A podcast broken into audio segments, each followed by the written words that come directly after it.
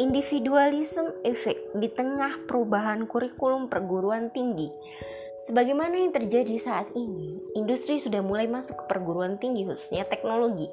Beberapa mata kuliah pun telah disesuaikan dengan kebutuhan industri, bahkan magang di industri diperpanjang atau ditambah SKS-nya. Industri diberikan keleluasaan untuk meminta pelajaran tertentu diberikan di kampus. Tujuannya agar mahasiswa mampu bersaing dengan tenaga kerja lain dan memenuhi kriteria mereka. Apabila kurikulum industri ini jadi diterapkan, walhasil kampus tak lagi mencetak para intelektual melainkan sekedar buruh yang memiliki pemikiran siap kerja. Mereka hanya dididik bak mesin industri yang harus berjalan sesuai kemauan tuannya atau para pengusaha. Tugas dan materi yang diberikan tak akan membuat mereka menjalankan peran fungsi mahasiswa atau PFM sebagaimana mestinya. Walhasil, individualisme efek akan melanda pada penerus bangsa. Sangat berbeda dengan kurikulum Islam. Kurikulum industri hanya bersandar pada kemampuan kerja, sementara Islam bertujuan membentuk generasi berkepribadian Islam, sebuah sistem pendidikan yang akan melahirkan pribadi berpola pikir dan sikap Islam. Dengan begitu, selain memiliki keahlian teknis, mahasiswa juga memiliki keimanan dan perilaku yang senantiasa dituntun oleh Al-Quran. PFN pun dapat dengan mudah diamalkan.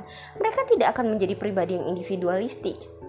Islam justru akan menyadarkan mereka untuk selalu memperhatikan lingkungan, peduli dengan masyarakat, serta memaksimalkan keahliannya agar bermanfaat bagi rakyat.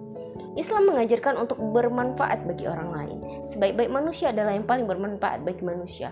Hadis riwayat Ahmad At-Tabrani Ad-Darukutni sudah terbukti berabad-abad Islam. Perguruan tinggi bersistem Islam telah mampu melahirkan ribuan ilmuwan hebat. Bahkan seluruh penemuan mereka menjadi cikal bakal kemajuan teknologi saat ini. Sebut saja Ibnu Sina sebagai bapak kedokteran dunia, sebagai penemu manfaat etanol dan teori penularan penyakit TBC. Al-Zahrawi menemukan teori menjahit luka dan buku panduan kedokteran Al-Tasrif. Selain bidang kesehatan, ada juga matematika.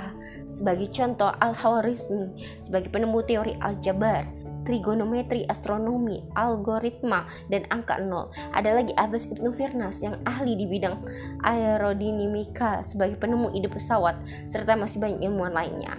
Mereka semangat melakukan riset semata-mata agar ilmu ini bermanfaat bagi masyarakat. Maka jika kita ingin mahasiswa tak apatis atau kondisi masyarakat perlu memiliki kurikulum yang tepat. Tentu bukan kurikulum industri yang berorientasi pada materi, melainkan kurikulum Islam. Wallahu a'lam.